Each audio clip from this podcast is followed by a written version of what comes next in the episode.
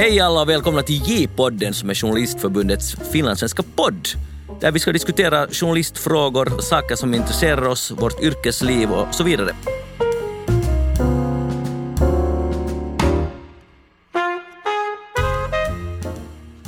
I det här första avsnittet ska vi diskutera textens och bildens väg in i publiceringsmediet. Hur det går, hur samspelet ska funka, vilka fällor man ska undvika och så vidare. Jag heter Magnus Lundén och i det här första avsnittet har vi kallat in Maja Hurme som är illustratör och grafiker. Välkommen med. Hej, tack. Roligt att vara här. Vad jobbar du med så där dagligen? Det där, eh, varannan vecka så jobbar jag på Hufvudstadsbladet som nyhetsgrafiker och, och då jobbar jag tillsammans med journalister för att det där visualisera data, information och för att presentera det till, till läsarna. Och det där, sen varannan vecka så jobbar jag uh, som frilans med illustration, främst av barnböcker.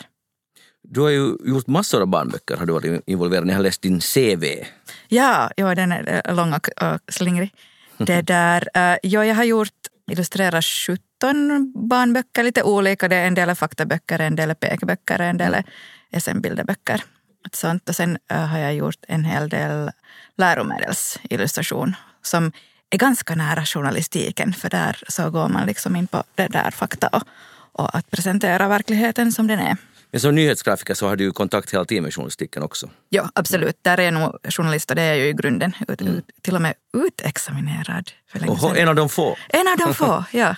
Perfekt. Och sen har vi Niklas Melti och fotojournalist med här idag. Välkommen. Hej, tack. Du, det där när vi gick igenom att hur ska jag titulera dig så frågade jag dumt nog om det ska kallas fotograf och du sa direkt nej, fotojournalist och det är viktigt. Varför är det viktigt? Det är en arbetsidentitet för mig. Mm. Fotograf är en fotograf men mitt jobb är att vara journalist.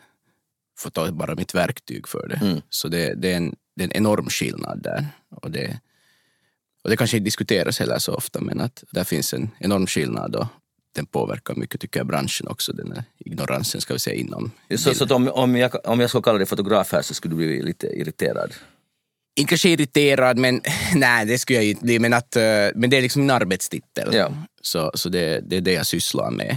Jag gör inte bröllopsfoton, jag gör inte reklamfoton, utan jag jobbar med journalistik. Så jag jobbar med substans, mm. inte med bara visuell, ja, visuellt. Är det, är det helt uteslutet för dig att göra reklam? Nej, det är det i och för sig inte. Men det kan vi, jag, jag vill göra vid sidan om sånt kommer och, och nu har jag gjort liksom jobb utanför journalistik också mm. och uh, fått åt organisationer, olika grejer. Så, så det händer, men det är liksom en bisyssla, en biinkomst som min huvudsakliga syssla är, mm. är journalistik och det är det som jag producerar själv. Ja, precis, och ibland måste man ju liksom bara zooma in och för att kunna göra sig expert på en sak. Mm. Att om man gör väldigt många olika saker så kan det bli splittrat. Jag har också tidigare gjort en hel del grafisk design liksom på mitt frilans.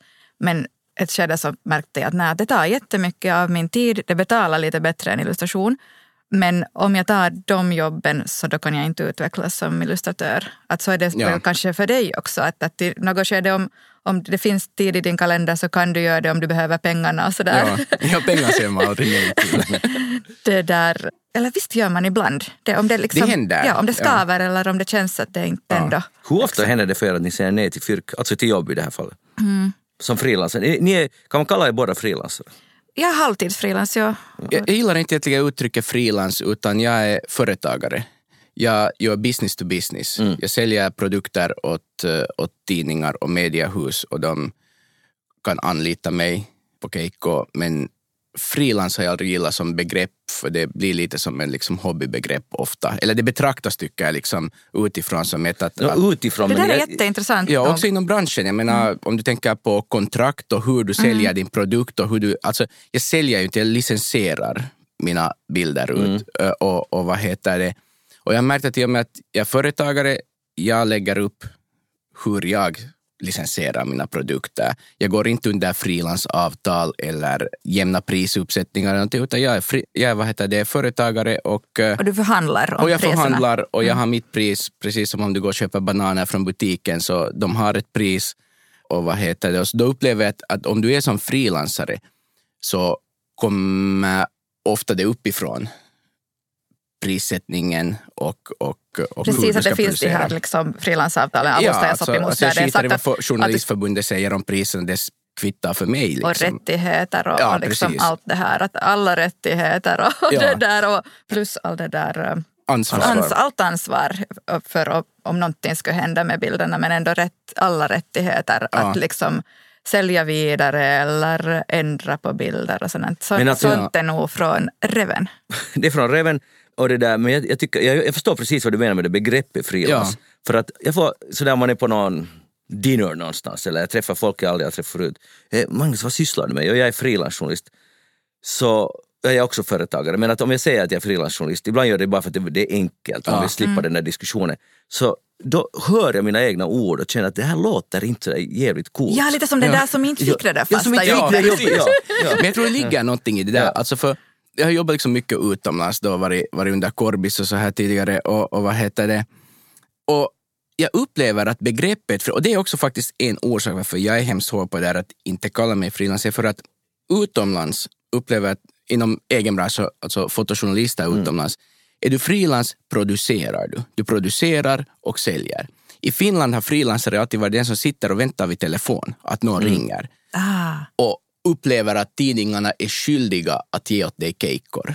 Men har det inte ändrat lite? Nu liksom håller ju folk på och pitchar sina grejer och sådär, lite blivit mera eh, aktiva. Så, Pitchar kanske ja, men hur mycket producerar de? Hur mycket producerar de som företagare står in och På egen säljer risk. ut? Ja, på egen och det är risk, den ja. ekonomiska risken som kommer in. Att, och det ger ju dig friheten också, att jag kan göra den storyn. Jag svarar bara till journalistiken. Det här är storyn jag gör och jag säljer den som sådan. Jag söker rätt köpare Mm. för den i efterhand. Och det här är ju någonting som inte finns som ett fenomen i Finland. Är det alltid Mm. efterhand? Är det inte så att du liksom bäddar för att hej, att jag är på väg till den där krutdurken där? Att, att, Nej, Nej, Nej, jag, jag brukar aldrig, aldrig pitcha för... Alltså jag har ju vissa kunder som jag kan informera att nu är det det här jag jobbar på. Men det är sådana långtida kunder som, då, som jag vet att de är alltid intresserade och de så gott som alltid tar mitt jobb också. Eh, så, men så, du skriver sådana inte kan jag- avtal innan du åker? Nej, nej, nej Oj. utan jag säljer engångspubliceringsrätt i mina reportage. Det där, och då, eh, vi, vi var inne på den presentationen av oss här. Så ännu, om, Det blir eh, långt det här. Ja. Niklas, så din, när man kollar vad du har gjort så jag tror att de flesta känner till otrolig liksom lista på var du har varit och, och häpnadsväckande stories du har presterat och, och det där. Men berätta helt kort, för de som inte skulle råka veta vad du har gjort, så vad, vad du har gjort och vilka resor du minns bäst. Så är ganska koncentrerat. Koncentrerat. Ja. Det är så svårt för mig att säga. Jag kanske är mest känd för, för Syrien-rapporteringen Mm. och den kanske definierar mig mest som, som fotojournalist. Så den kanske, men att, Där är ju Irak och Ukraina och... ja alltså jo, det är diverse konflikter. Eh, det är nog konflikterna som jag är liksom mest, mest känd för säkert. Ja. Sen gör jag liksom, jag har gjort dokumentärer och i Finland också och jobbat reportage här och, och gjort liksom inhemska, inhemska grejer och jobbat mycket för tidningar tidigare som, som liksom daily, daily news. Och det har jag kommit lite tillbaks till och, och försöka jobba lite på det nu också för jag gillar det där snabba tempo behöver inte vara fast i ett projekt alltid i en månad. Liksom, utan,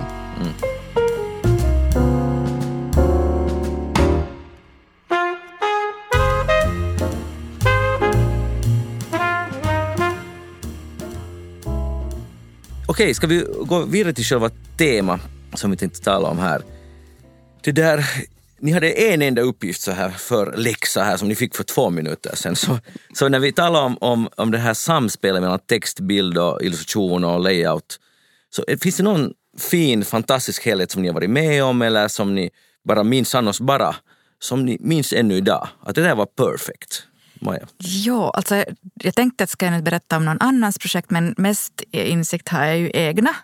Så det där, jag skulle vilja lyfta upp ett samarbete som jag gjorde med Torre Wenström för det var arabvåren, vilket år var det nu?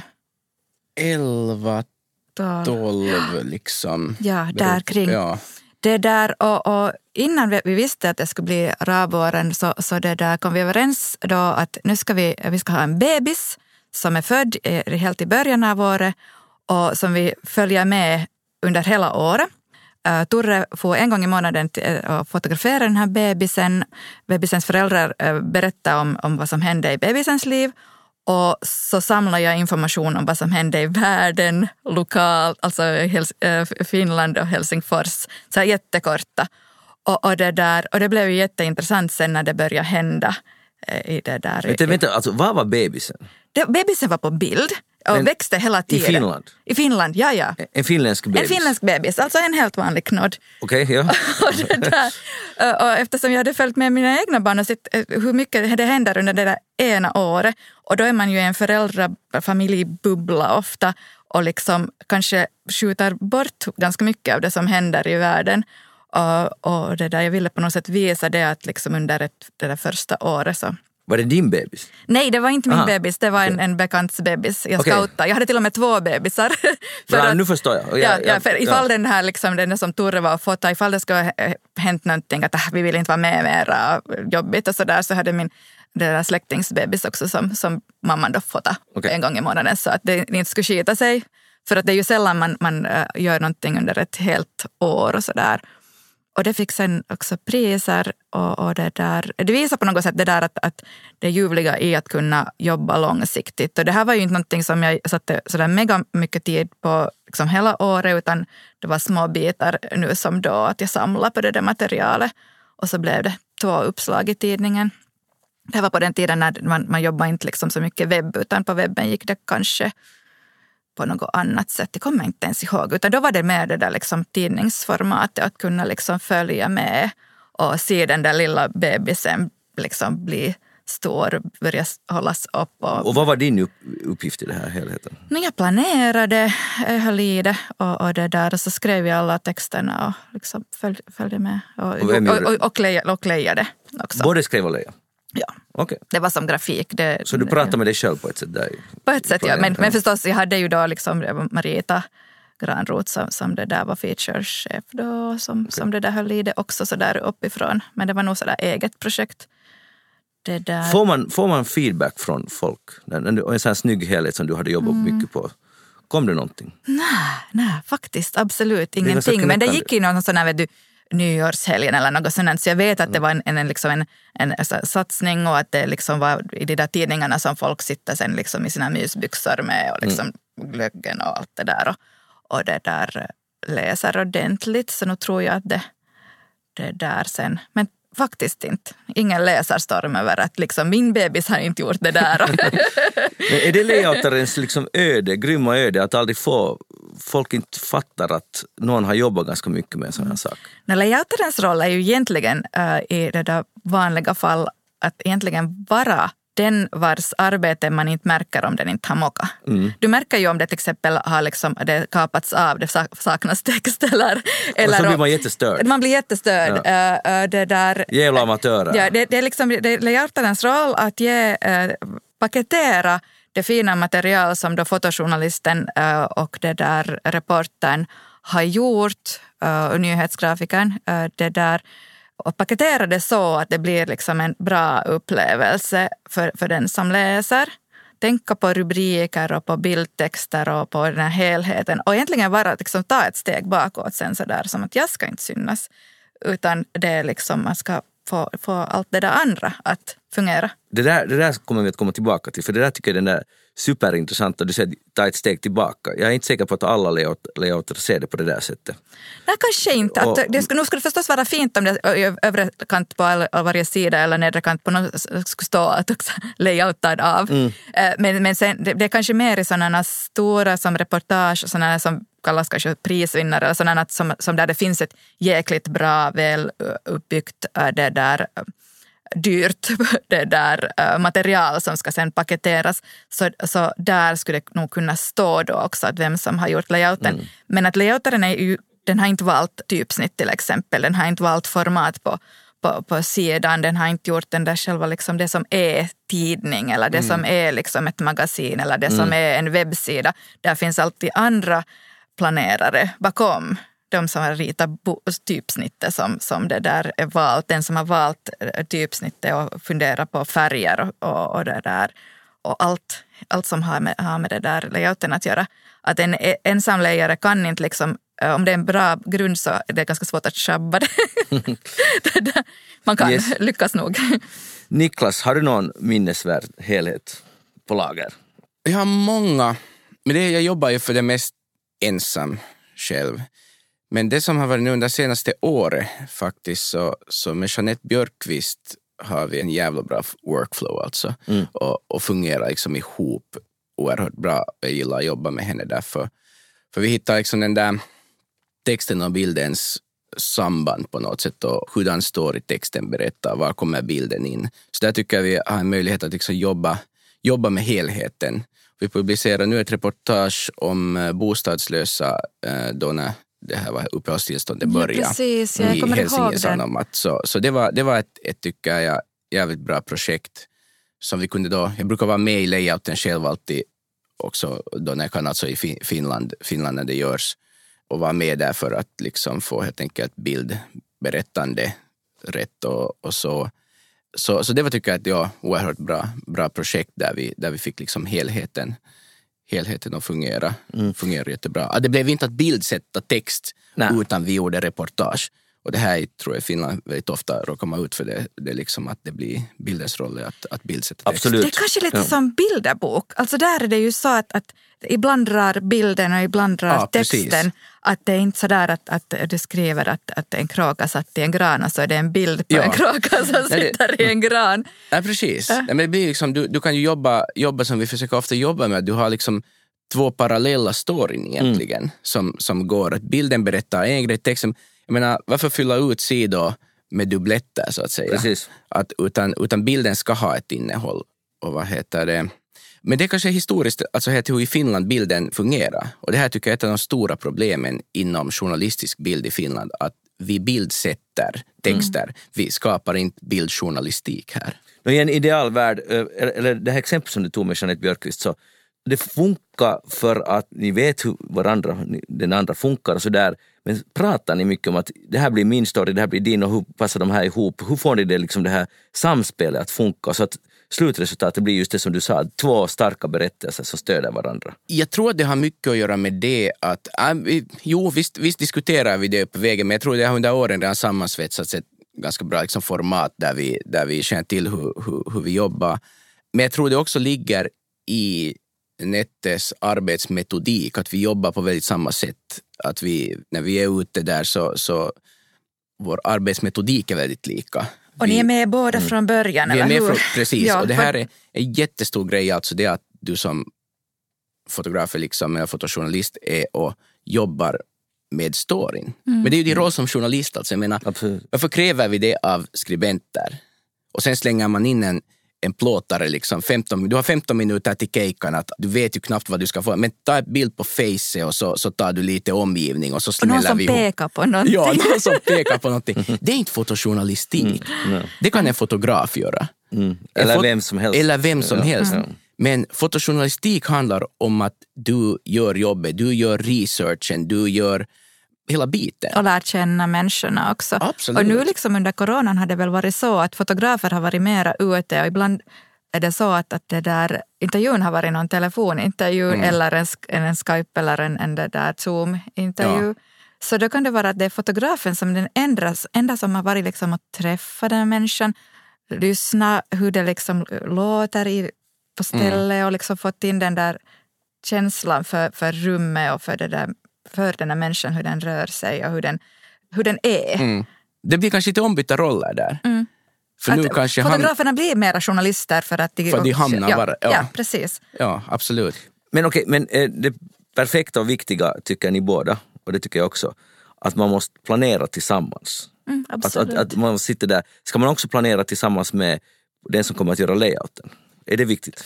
Ibland så har det väl liksom hänt att det gör så, men det, eftersom det finns det handlar mer om bara det att liksom hur sidorna ser ut utan också liksom placering, när publiceras någonting, i vilken del av, av, av tidningen eller på vilket sätt på webben.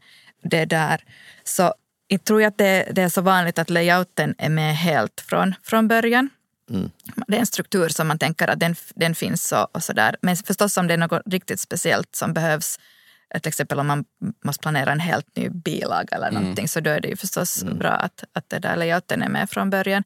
Men åtminstone då liksom fotojournalisten och, och det där reportern och om det ska vara grafik så, så är det helt jättebra att då diskutera den redan från början. Att, att vad finns det för, för, liksom, för forskning, för data om, om det här temat.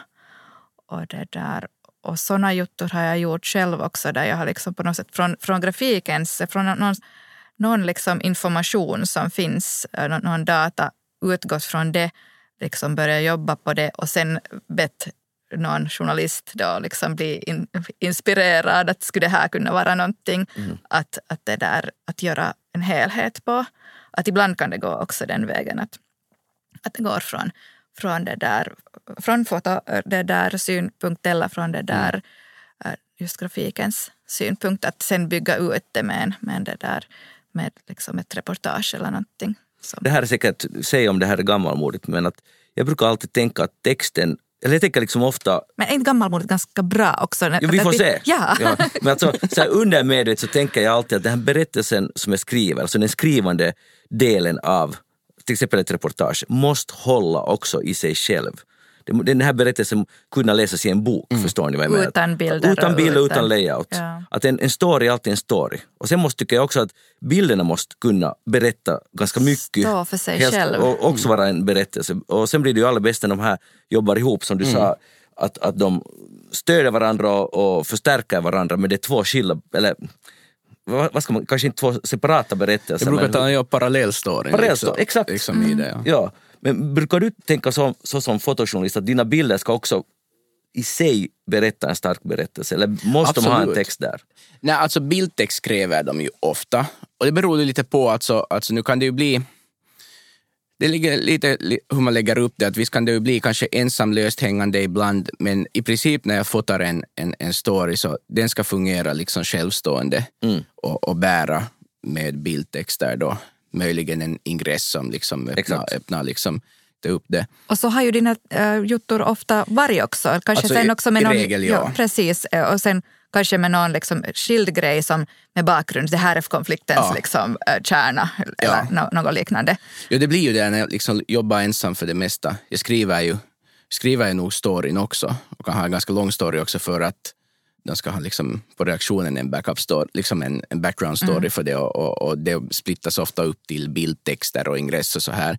Men, men så har jag också kommit att tänka på det här med liksom layout, att layout, jag tycker det är jätteviktigt att layouten är med i så tidigt skede som möjligt av mm. den här processen. Jag märker själv också att jag har, jag har liksom, no, Hesar som publicerar mycket av mitt så, så jag har där vissa layoutare som jag har jobbat många år med, som jag alltid föredrar att, att jag jobbar med någon av dem. De känner till mitt mm. bildspråk, de känner till min liksom storytelling, de mm. känner till liksom hela det. Så då, då är det redan sådant som jag vet att är jag någonstans annanstans och dumpar bara materialet åt dem så vet, så, så de, vet, vet ja. de hur jag jobbar och jag vet hur de jobbar och det blir en liksom, det blir mm. alltid bra resultat av mm. det. Jo, men det är inte med då när du planerar att nu ska du åka? Nej, nej, nej, det är de inte. Eh, och det, det försöker jag hålla annars också för att jag menar, jag vet ju aldrig vad det blir. Mm. Alltså i princip, hur gör man journalistik? Gör man det så att man har en tes som man far ut och bevisar, vilket mm. blir, tycker jag, Finland väldigt ofta hur vi, hur vi liksom gör journalistik eller, eller dokumentärer, är att,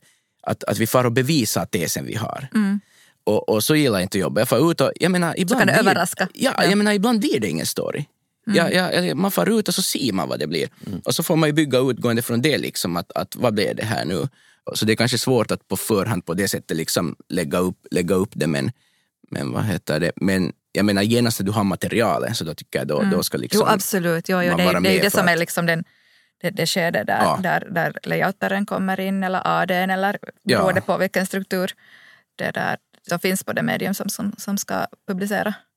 Och sen alltså en sak som jag skulle jättegärna tala med dig om, om det här, det här med, liksom, med digi och print. Att print har man den här möjligheten att blåsa upp en bild jättestort mm. och ha mindre bilder som stöder.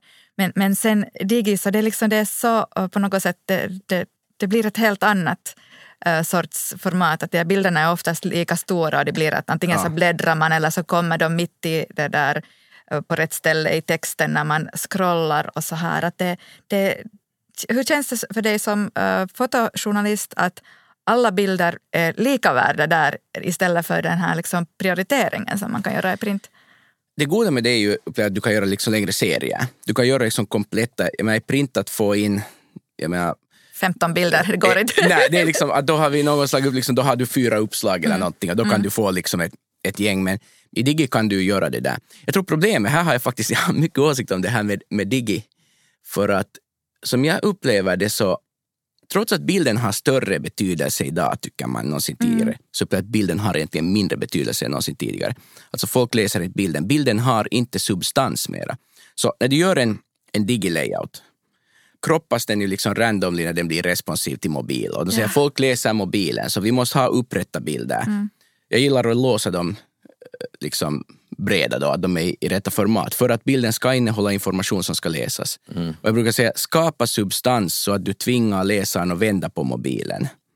Och det här är ju, nej, mobil, de läser inte mobilen så, utan man ska, den ska gå liksom snabbt. Nej, men då är det ju bara skit du publicerar. Mm. Mm. Så men publicerar du intressant innehåll bra substans så gör läsaren vad som helst för att, för att få se få det. Jag menar, Netflix, inte kan du se på Netflix heller upprätt. Utan du, du, du liksom vänder på och då får du ju bilden i fullformat. Mm. Så då tycker jag man kan skapa liksom i det intressanta liksom helheter.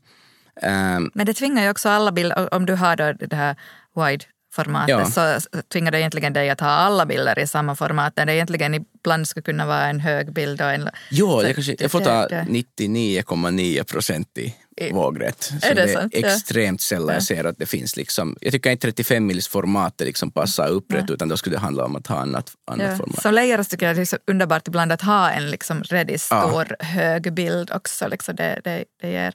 Hur mycket jobbar du alltså digi och brukar du jobba liksom det där, nu har jag inte jobbat med, med, med, layout på kanske en, en sex, sju år. Att, ja. Tidigare var jag layoutare, sen gick jag över till, till det där uh, nyhetsgrafiken. Det där, så jag, jag egentligen, liksom funderar mer på mina egna större helheter. Så där, ja. är jag, där är jag liksom i det där stora tidningsformatet ibland. Men att vi, vi gör ju nu på Husis uh, webb först, att, att också med grafiken, att först gör man dem som, ja. så som de ska vara i. Och webben, uh, webbtexterna, uh, som, ofta som, som det där, såna lätta det där interaktiva det där, äh, grafikpluppar och sen, liksom, sen tar man vad man tar sen till, till, till printen och gör om men printen ger ju möjligheten att faktiskt blåsa upp någon sån här mm. kurva ordentligt och visa att det här är nu liksom det äh, intressanta. Eller att se nu på den här, att på den här kurvan kan man se alla de här världshändelserna och hur de har påverkat någonting. Mm. Äh, arbetslösheten eller äh, BNP-tillväxten eller vilken, som, vilken mätare man, man liksom tar. Och, och det där, där lilla, speciellt folk som läser på, på det där mobilen, så det, det blir liksom de där väldigt litet och plottrigt och man måste för, antingen, antingen förenkla jättemycket, plocka bort mellandata på något sätt och mm. göra, det, göra det enklare eller sen måste man bara tänka att folk orkar gå dit in och peta och titta. Och, liksom. Men är inte det ett, ett grymt problem? Alltså jag är nu, det här är jag verkligen old school med, att, att jag skulle aldrig slå mig in att, att läsa ett reportage på en liten telefonskärm. Du gör inte, inte ens om det är någon sån att hej... Att, att, att, jag har inte ens en sån telefon men... men på, någon, det kan påverka. Ja, det påverkar lite. kanske liksom men att jag skulle aldrig... Alltså det är bland annat en orsak till att jag inte skaffar en sån. Jag vägrar att, att journalistik blir sånt. Just de här bildhänvisningarna som du sa tycker jag starkt argument för att klamra sig fast vid antingen vid print eller vid stora skärmar. Alltså större skärmar. Större skärmar. Och jag ja. förstår ju vardagen, jag, jag är inte dum i huvudet, jag fattar att folk har de här mm. små telefonerna men jag tycker att det är ganska ledsamt. För att om, om det är så att någon, någon producent säger till dig Niklas att du borde nog, du borde nog leverera mera lodrätta bilder, så det är ju, då måste du kompromissa. Och du kanske inte gör det, men jag är säker på att många andra gör det. Det blir väl lite så. Jag tror det har mycket att göra med den här kulturen som vi har. Helt mm. enkelt liksom bildkulturen. Att det går ju ofta så att planeringen, nu när man jobbar med många medier, blir att planeringen går från liksom plattformen och så fyller vi plattformen. Inte så att vi skapar substans och hittar rätta plattformen eller mm. liksom för det. Uh, oj, tror... oj, man skulle, borde göra så här med att, att du gör ett specialreportage som skickas ut endast med brevduva. Precis, det. precis. Det passar till just det. Det kan bli dyrt. Ja, men vi, vi har alltså gjort nog, liksom, vi har gjort plattformar så att säga eh, för, för webben bara en, enskilt för ett reportage. Som kanske formatet används sen senare men, men Mm. Till exempel det här mitt Ukraina-reportage jag långa jag gjorde för några år sedan eh, som Hesan publicerades, då, då liksom byggde vi upp en, en plattform helt enkelt som fungerar för den. Och det Mm. funkar jävligt bra. Och, och då gick man liksom innehållet först. Och jag tror att det är det som det handlar om, att skapa innehåll. Jag tror vi har tappat det där, liksom att, att, att fokusera på innehåll. Speciellt i det visuella. Att, att fokusera på innehållet och så, så gör vi ut efter det. Liksom. Dina reportage är ju extremt starka berättelser. Och där är det ju liksom inte brist på storytelling i dina bilder precis. Att det är ju liksom jättestarka budskap och fantastiska bilder. Så att, men sen tänker jag så här, eh, jag har bläddrat lite i Husis inför den här diskussionen och andra tidningar också. Och nu är det ju slående hur mycket fotojournalistik idag är till exempel SPT har tagit ett foto som, och inget ont om SPT-journalister, då alla gör vi vårt bästa, men de är kanske i första hand skribenter. Och, och så är det en liten bild, då vet ni, en coronastängning, så det är bild på en lapp var det står att Stängt. stängt. eller, eller, eller nu börjar vinterrea, så är det bild på alla minus 40 från någon butik. Alltså vad fan är det egentligen som händer? Att, No, att, det, det som händer är ju att det inte finns tillräckligt med fotoresurser just på, på huset. Så att det, det är ju, det är det som händer? Det är det För att de har fått händer. kicken eller? Vi har ju haft det där uh, samarbetsförhandlingar och det, då när jag började så var vi alltså två nyhetsgrafiker, jobbade i två skift och då fanns det väl var det tre, fyra fotografer. Och nu är det nere i liksom två halvor. Ja. Och det har Så att förstås om det, det, ekonomi. Det, liksom, det, det, ja, det, Ekonomi det, det får du prata, ja. prata med, med det där uh, chefer om. Men alltså ja, det här är liksom det, det, som, det som har hänt alltså i personresurser och då, är det, då ser det ut som det gör. Att, uh, tyvärr. Skär, det som skär har- dig inte dina ögon? Om, om man riktigt börjar tänka på det. Klart att det skär. Alltså, klart att jag gråter liksom, över vad som har hänt med, med det där med, med papperstidningen. Och, alltså, jag, är ändå liksom, jag är inte ännu så gammal men att det, det, det börjar vara så där att, att jag är en, en av de där papperskramarna. Och, och det där. Och nu ser jag ju det att, att ibland måste man blåsa upp någon, någon bild på just den där stängt-lappen jättestort. Det är, det är en bild som kanske funkar helt bra i det där nyhetsflödet flödet på, på en mobil. Men, men den ger inte så där jättemycket extra information åt läsaren eller någon känsla eller någonting. Niklas, är det så att en, en, tycker du att en nyhetsartikel, någon sorts notis eller lite längre notis, för teorin är det ju att det behövs bild, speciellt då som du sa Maja på, på nätet, så den bilden måste vara där, uh, tror man. Är det så att man har hellre en dålig bild än ingen bild? Nej, det finns flera tidningar i världen som kör utan bilder helt och hållet. Så det, det går ju visserligen att, att göra, liksom, men då måste man ha det formatet. Liksom. Jag tycker, ja, en dålig bild kan ju liksom döda en bra story också. Liksom. Att, att, eh, men jag tror att hela den här problematiken alltså ligger långt djupare som just leder till det här som du sa, att, att, att ni har inte mer liksom, fotografer, det vill ersättas med någonting billigare. Alltså bildens roll är inte journalistisk. Utan det, du kan ersätta de här fotarna som har fått gå. Hur många fotare har ni nu på huset? Är det en eller en och en halv? Nicke, men de är båda halva. halvtid. Så det har Ja. liksom en fotare på en tidning. Så vad ersätter man resten med? Nå, det blir läsarbilder, det blir handouts.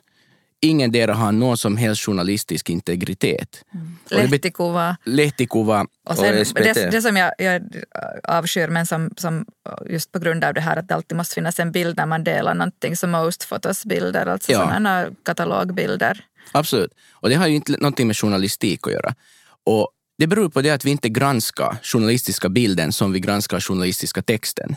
Det vill säga, det ursprunget, hur den är skapad. Jag menar, när man kollar på utländska tidningar och jag ser mina kollegor liksom briefa när de far för någon New York Times till exempel på keikka.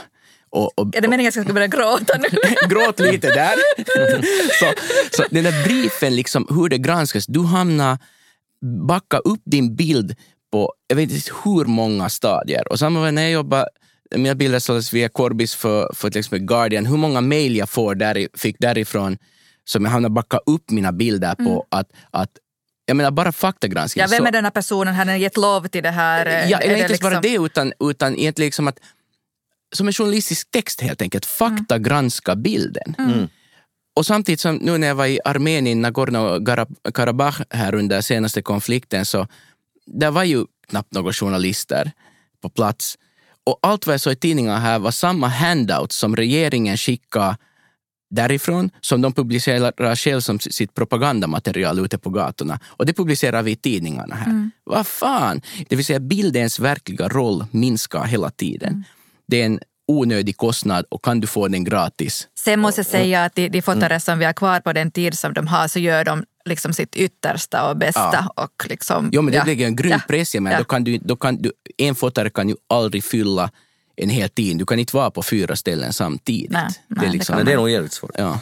Men, men den där parado- där finns ju en paradox i att du säger att bilden på ett sätt nedvärderas. Samtidigt lever vi i ett extremt visuellt samhälle, eller en tid, och alla är fotografer. Det finns mera bilder än någonsin och det Ja. växer ju exponentiellt. Liksom. Det blir ju helt otroliga mängder bilder. Det finns och det tas. Vi alla fotograferar hela tiden. Men den journalistiska bilden, Ja. Alltså det är den så här, håller på icke, icke att ta i detta. Ja. Alltså det är liksom, du har bilder överallt men inte har de någon substans inte. Nej, exakt. Men är, är det realistiskt, det som, som jag tror att vi alla vill ha? Att bättre bildjournalistik och att man satsar på det också fyrkmässigt. Men är det realistiskt för att alla... Det är klart om du jämför Guardian och New York Times med Husis, det blir ju orättvist när du tänker på resurser. Blir det det? Ja, ja, Liksom, Det, jag det, frågar. det, det blir, alltså, nu, nu med den här coronakrisen när det börjar så vet du, folk skickar åt mig så här, oh, kolla vad New York Times gör, att här kan man följa den där, liksom, bla, bla, och det, liksom, det rör sig och grejer. Och, och då är jag liksom en nyhetsgrafiker som ska försöka liksom, eh, förklara vad som händer eh, i, i visuellt, med liksom den, försöka få reda på den liksom mest tillförlitliga informationen i ett läge där det inte, inte ens de vuxna visste eh, allt. Och det där eh, och att få det sen tryckt upp i näsan på sig sådär att jaha, att här, att se på det här, se vad de gör. Och, och då vet man att de har ett team med researchare, kodare, det där, journalister och då liksom nyhetsgrafiker. det är alltid, alltid jag, jag håller helt med, det, det kan vara Mm. knäckande, men det är alltid, tycker jag, farligt. Att det, man kan ändå alltid använda det som en ursäkt sen. Alltså Ja, att ja, ambitionsnivån sänks alldeles för lågt sen också. Ja förstås, men, men man måste, och, och- det, det som vi gör, jag och den andra nyhetsgrafikern, är ju att liksom vi prioriterar, vi liksom visar hellre enkel graf som, som det där är faktagranskad och stämmer och, och, det där, och, och förklarad på ett liksom vettigt sätt än att, att då liksom försöka ha alldeles för, för mycket. Det där och, och på något sätt spreta åt alla, alla håll. Att så, så är det. Att, och människors äh, läsförmåga när det gäller grafik är ändå ganska sådär begränsad. Att det där ehm, um, stapeldiagram och kurvor och, och stolpdiagram, sånt så kan folk läsa sådär bara. Det, det, kan, det kan man. Uh, men att sen om man testar på liksom olika liksom eh, häftiga ut, ut det där diagram och grejer där det finns väldigt mycket, så då kräver det mycket mer tid också av nyhetsgrafikerna att se till att den är läslig och att den inte bara ser häftig och snygg ut utan att den liksom uh, tjänar sitt syfte. Att det där. Folk tittar kanske fem sekunder på någonting om de inte fattar vad vill den här visa så då går de vidare till nästa. Men Niklas, du tyckte att det, att det kanske inte är nödvändigtvis uh, orättvist att jämföra de här stora drakarna med Vasabladet Nej. eller Husis eller vad som helst. Jag tror det är mer hur man använder resurserna också. Jag upplever att Husis har ju tidigare väldigt, varit väldigt bra på att använda resurser. Man tänker just på det visuella, om du går tillbaka sen kanske tio år, fem, tio år i tiden och, och, och ser ändå med, om du jämför bara liksom på finsk basis också hur mycket mindre resurser Husis har haft än, än, än, än de finska tidningarna till exempel. Och hur fenomenal Husis har varit visuellt. Eh, så, så jag tror att det har mycket att göra med hur du använder resurserna och, och framförallt vem du sätter att göra. Använd rätt personer och göra rätt saker så blir det bra. Och det är det som ledarskapet liksom handlar om, att kunna delegera rätt uppgifter till rätt personer. Och, och vad heter det? Så jag tror man kan med ganska snäva resurser också liksom skapa bra. Till exempel då att, att, att, eh, att använda utomstående, använda företagare, andra leverantörer för om du har ett speciellt case som du vill, Precis. du vill liksom att okej, det här har vi inte inhouse, då köper vi det. Och vi betalar också det vad det kostar för det, men vi liksom använder resurserna vettigt. Eh, så, så jag tror att, att man kan bra alltså skapa, för det är ju liksom, trots allt när man ser i världen så samma reportage och samma projekt kan gå liksom i, i de stora tidningarna, Guardian, New York Times, Time. Men så kan du se dem i några mindre lokala tidningar också i världen, i, i Spanien eller wherever. Liksom. Och, och, så jag tror att visst, visst har resurser mycket att göra med vad man liksom kan skapa och göra, men, men jag tror också det handlar mycket om det att hur man använder sina resurser. Absolut, och sen ser jag ju nog äh, att, att det där det, det sätts jättemycket arbetstid på olika redaktioner på att gräva fram de där gratisbilderna. Ja, precis. och på att, liksom, eh, ja, på, på, på, på att läsa texten, försöka till exempel att hitta en illustration till en väldigt komplex text från de här eh, de där katalogbankerna som man då har någon månatlig prenumeration på.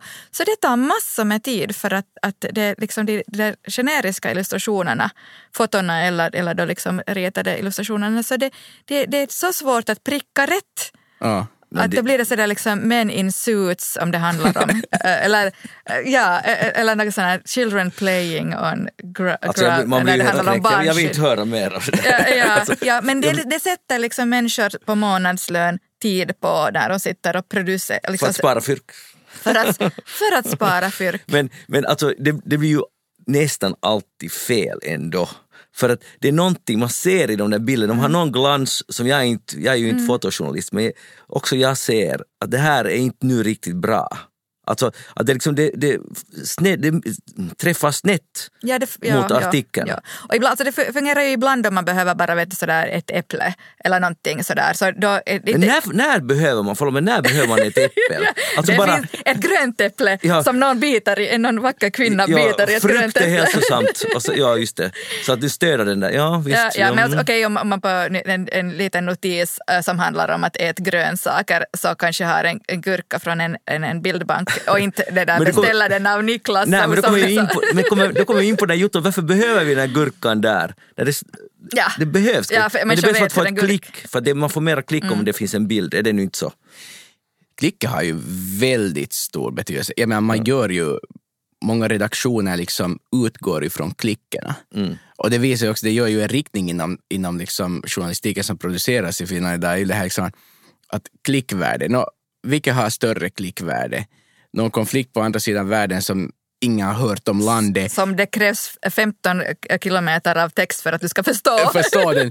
Eller det att någon liksom kändisar halkar på gatan. Och, och jag menar, det, det, det är väldigt enkelt att skapa klickar i den mån att, att jag menar, det blir kvällsblaskor av allting lite grann. Och, och, och då när det blir liksom den där mätaren att hur många klickar har en story fått. Så media, hus och journalistiken har en uppgift utöver det. Trots att det är businessar och det är företag och ska drivas som företag så har de också en, ett ansvar, en uppgift. Eh, att egentligen, jag menar den bild som, som medien ger av samhället är den bilden som går i historieböckerna. Det är den bilden som, som, som styr samhället pretty much. Alltså jag menar om man tänker på människor, varifrån får de informationen? Folk tycker att de vet så jävla mycket om allting. Varifrån kommer den informationen? Den kommer till mestadels från media. Och, och, och jag menar det ansvaret hur vi presenterar världen finns där också trots allt. Så då kan vi inte gå bara på klickvärden, utan vi måste gå på de värden som ska liksom lyftas upp dit i liksom klickvärden. Att, att, att det här är en sak som inte intresserar folk, men det är en jävligt viktig sak. Ja, Då där har ju det visuella en liksom jättestor uppgift att liksom på något sätt uh, vi, visa på varför någonting är viktigt, varför vi ska bry oss om det där uh, pensionsförsäkringar och, och det där barnfattigdom eller, eller sånt. Man kan visa det i liksom konkreta liksom, siffror uh, visuellt Precis. att, att var, var vi är just nu med den här saken. Eller man kan visa i stadsplanering att hur mycket liksom någon, av någon skog försvinner. Sådär konkret, hej titta på den här kartan. Eh, det där, eller hur mycket hus det byggs eller sådant. Att det, det som är vanliga liksom, sådana um, kommunalnyheter eller Mm. stats, stadsnyheter så kan med då bra bildsättning, kanske inte bara då bilden på liksom att den här hallen ska rivas utan liksom att man kan bygga på att vad är, vad är planerna för det här området annars. Mm. Och folk Absolut. bryr sig jättemycket om det, sånt som händer i deras omgivning och det är, jätteviktigt att få den informationen också så där visuellt presenterad så man kan se Ja. att vad är det som händer här ru- runt. Och som skrivande eh, journalist, jag har nu skrivit en text, eller har, jag- den är färdig och så här och så ska, går jag till layoutdesk eller hur, hur det nu funkar, man kommunicerar på ett eller annat sätt. Så, ja, via så- Slack. Ja okej, just så skicka lite, Klar nu, finns. skicka lite memes till varandra och det blir bra. Men, men Niklas, du, du antydde här att du hänger med där i, i layoutstadiet, du, du är där bakom. Då det handlar om mina egna reportage. Liksom, jag, det skulle du inte släppa, är det så? Alltså, du, du kräver att du är med? jag, jag strävar efter att vara med alltid när det är möjligt för att jag tycker att samspelet med layouten har varit alltid jättebra och intressant. Alltså det är att, att jag kan inte vänta mig att en annan människa, sk- jag menar, du får en knippe med 30 bilder och även om du är insatt i ämne och har läst dig på liksom ämnet, att, att jag vet vad det här handlar om, så tanken med hela bilden, för vi kan inte publicera de där 30 bilderna kanske ändå där, så tanken hur vi bygger upp den här storyn, att den är korrekt, att den är ärlig gentemot storyn, den är journalistiskt korrekt och den är alltid så där, där liksom upplever jag att, att jag behövs för att vara med och skapa den där sekvensen, liksom skapa den här storyn bildmässigt, ordning och hur, att den blir rätt berättad helt enkelt Och det där valen, valen, valen, valen ja, vad som lyfts fram och vad som liksom, att, att du får hela dynamiken att funka så att, så det kan ofta handla om det också att liksom, om du gör en layout så, så, så kan det vara att okej, att den här bilden kan inte sitta här, att vi, vi, vi skiftar på de här och så, här, så, så blir det bra. Men det krävs det alltid en ny liksom layout för, för hela liksom Ja, De här pusselbitarna. pusselbitar. Ja, att, och, och jag jobbar ju hemskt mycket för mig, det är inte bara storyn, det är också liksom sen dessutom ska liksom brännvidderna, eh, färgdynamiken, allting gå jätt i storyn så att det blir en helhet. Mm. Så det blir en liksom en bra flow liksom på det och, hela. och det är lite, att- alltså jag tror på det där absolut. och då behövs men, det liksom layouter som förstår Mm. den där liksom hela flowen. och det är det, liksom. jag- men vänta, att tas du emot med öppna armar alltid sen? Eh, För, man kan lätt tänka sig att Ja, hej, nu är han inne på förstörelse. Ja, ja, alltså, det, ja, nej, jag, jag förstår mig. Jag förstår att det är jävligt när man kommer och tittar Ja. bakom ryggen. Nej, sådär, nej, men- nej. Alltså, om, om, om båda respekterar varandras eh, kunskap och liksom Men insikter ändå, så- ni vet hur människor är. Nu har jag själv upplevt det, upplevt det som skribent också. Nu har jag också åsikter. Och så I modern tid har jag kanske släppt det lite, speciellt när man gör bara som frilansare någonstans, så, att, så märker jag att de har nu sina mallar, de har sina system och det går inte att rubba på det, i alla fall har jag inte lyckats. Så då brukar jag släppa det, men jag skulle verkligen vilja vara sådär som Niklas, alltid där. Och, och det där. Men jag upplever nog att när man går in på andras revir, så där finns ju nog potential till en konflikt också. Ja, men det- man går in med det där svenska two stars and, stars and a wish, att, att, liksom, att, att oj vitsigt var bra och liksom fantastiskt, det där tycker jag, men liksom det här Ja, ena, ja, okej. ena, ena grejen. Men gör du så? Eh, jag vet inte, jag, jag, jag är kanske inte så jävla diplomatisk som människa överlag, men jag försöker, jag tror att, att, att visst... Men du är nog snäll Jag är ganska sådär, snäll ja. sådär, i grund och botten. Nej, alltså många vet att gillar kanske inte tanken till en början, men sen när vi har skapat liksom ett samarbete Ja. så funkar det. Och jag tror att det är mång, många har sagt efteråt att, att det var ganska jävligt kul att vi gjorde det så här, för jag tror att det under, underlättar också det där arbetet lite, att du behöver inte sitta och fundera på de sakerna, att gör jag rätt här, gör jag fel här, att, att, att vad heter det, det är kanske på många ställen har man blivit van att bara göra liksom, jag tar de bilderna jag gillar mest Mm. Och så gör jag det. Och, och, men där kommer vi igen till det där att vad är bildens innebörd? Att vi måste gå längre än så. Det funkar inte alltid, liksom, det är kill your darlings i det alltid att, att det måste också berättas rätt den där storyn. Så, eh, för den kan bli helt fel. Det- du kan Jo, ju och helt sen- ändra om storyn basically med att, med, att göra med, en annan med bilder, sekvens. att det blir en lögn. Ja. Uh, Men, men sen också sådär, jag tänker att en layouter är lite ett sån som, som gör en tjänst till läsaren genom att liksom se till att när man läser i texten, man ser ett namn som är boldat, så kan man titta upp och så ser man att det är den här. Inte så att det är liksom råddigt och du måste liksom leta fram Ja. att var finns den här? För jag vill, jag vill se att äh, vem är den här Teresa här som, som säger alla de här äh, sakerna. Så, så vill jag på något sätt, direkt när jag lyfter blicken så ser jag att, att där är hon. Okej, äh, det där, nu vet jag jättemycket mer om henne eftersom jag sett allt, allting i bakgrunden. Jag har sett hennes liksom, kroppsspråk och min och allting. Men om jag sen måste liksom sådär bläddra framåt och sen hitta, okej här är hon, så då blir det liksom, det blir störd och då har, har inte layouten gjort sin liksom, uppgift heller. Precis, ja. Rätt. Men det här med mallar, Ah. att, att, det, det är sånt som jag har så jävla svårt att förstå. Att jag förstår ju det, Mm. men, men jag kan inte, att man skriver en story som är editerad och jag tycker att nu, nu, Nu sitter den. nu sitter nu är berättelse, det här är berättelsen. Så kommer det någon layout som bara lakoniskt konstaterar att här är 457 tecken för mycket. Okej, okay, det är klart att det går alltid att fixa och det kan till och med bli bättre. Men när det är liksom helt oberoende av den här storyn. Att, att, man, att de har inte ens tittat på storyn utan de har bara tittat hur lång den är i tecken. Ist- och istället för att flexa, sen om man riktigt jobbar emot så går det nog också att flexa, det blir ri- riktigt snyggt. Ja, man kanske tar lite, lite citatet lite mindre. Eller, Ja, det går ja, oftast, precis, med lite fixa, god men vilja. Liksom, ja. Och jag försöker inte säga att texten är helig, men, men det blir ofta så att det är det där formatet som är heligt. Och det tycker jag är lite eh, dumt. ja, det beror på liksom lite vad det är för format. Vissa liksom kolumnformat eller sådär, så de är... Jo, jo, det förstår jag. Ja, ja. Äh, Men, men det där, Reportage. Sen, report, reportage, så där så känner jag att då blir ju liksom lay- layoutaren bara den som tittar att, liksom, att all text är inne där i slutet och att alla bitar är på plats så, så är det, då, då är det kanske inte så intressant jobb heller. Att det handlar ju om det där med att, att liksom, eh, pussla omkring och prova olika, s- olika sorters rubriker och rubrikplaceringar och, och, och det där ingångar.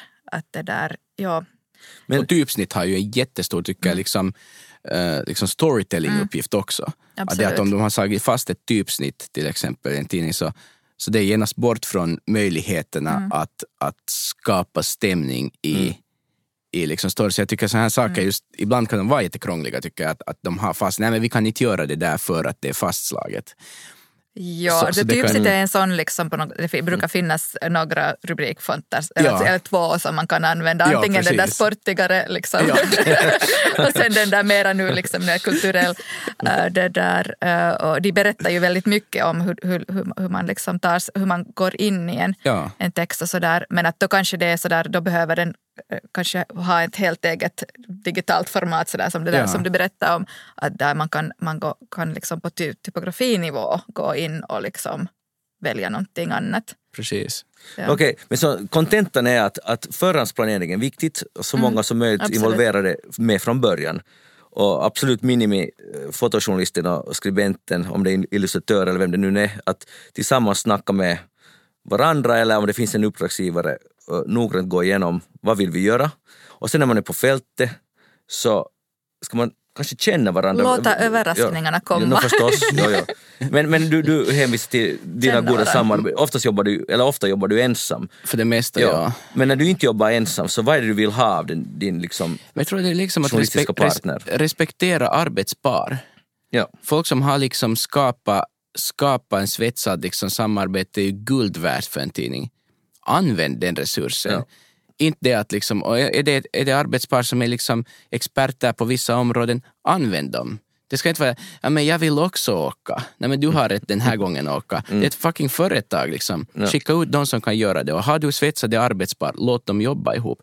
Och det är ju det att man, det, för mig är det liksom, ja det är svårt att säga exakt vad det är men det, jag menar, det handlar ju om att att hitta någon som hela den där workflowen liksom fungerar med. Någon som du kan spendera i månader på med samma projekt och, och ni har liksom samma mål och, och ni, ni, ni pushar varandra till att jobba bättre. Då när du är bättre med ditt arbetspar än vad du är ensam, så, så då liksom är det lyckat. Ja. Och då vinner ju i slutändan alla, speciellt läsarna på det här. Ja. Det blir ju, och, Och sen, tidningen som får mera fyrk för Ja, att de exakt. producerar liksom bra story. och, och så är det plötsligt är det möjligt ekonomiskt. Alltså börjar, Ja. Man börjar se det här. Så det är väl det, det vi säkert alla drömmer eller hoppas på att det ska gå tillbaka till det, eller Mm. det ska fixa sig på något sätt. Men sen är nu slutskede, så Niklas metod är att vara där, på plats, med, med den som gör layouten. Om jag inte var, ja där på, Jo, jo, alltså Men, absolut. ja. Där, ja. Jo. och ha åsikter. Och och då gäller det att respektera varandra. Det var Majas, varandras yrkesroller, varandras yrkesroller. Och, och kunna diskutera. Men, men jag tror nog att, att de flesta layouter är bara glada om, om det där. De som har, har det där, skapat det där texten och fotona så också har ett intresse av Mm. att hur det blir. Det där. Men ja, kanske inte sådär äh, på riktigt detaljnivå som att kan du lite liksom knipa där så att vi får in det. Jag diggar sånt. Sånt har jag varit, Det är roligt. sånt har jag varit med och då liksom då växer hornen. Men det finns ju ännu en, en bra point i det som sa, eh, alltså vad jag, just att, att vad heter det, precis varför jag, jag kom att tänka på det just när du sa någonting, men, men vad heter det, men det är också en, en uppgift för, vi kan inte bara lasta liksom, så att säga, redaktionerna för det hur saker och ting är, utan där måste ju också fotoavdelningen och layoutavdelningen ta själv den där rollen att gå med från början. Mm. Jag menar, det är inte bara det att ni får inte vara med, utan det är ju det att, att vi har också skapat de här strukturerna själv. Är vi inte intresserade av att vara med från början, så vem fan saknar oss där?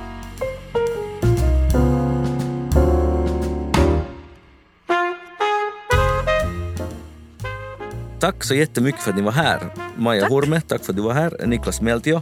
Jag heter Magnus Lundén och det här var alltså det första avsnittet av den nya J-podden som är Journalistförbundets finlandssvenska journalistpodd helt enkelt. Och vi kommer att ha flera avsnitt nu under våren 2021. Minst två avsnitt ska det bli och eh, då återstår bara att önska er en riktigt god jul och, eller när ni nu råkar lyssna på det här och så hörs vi igen snart. Hej då!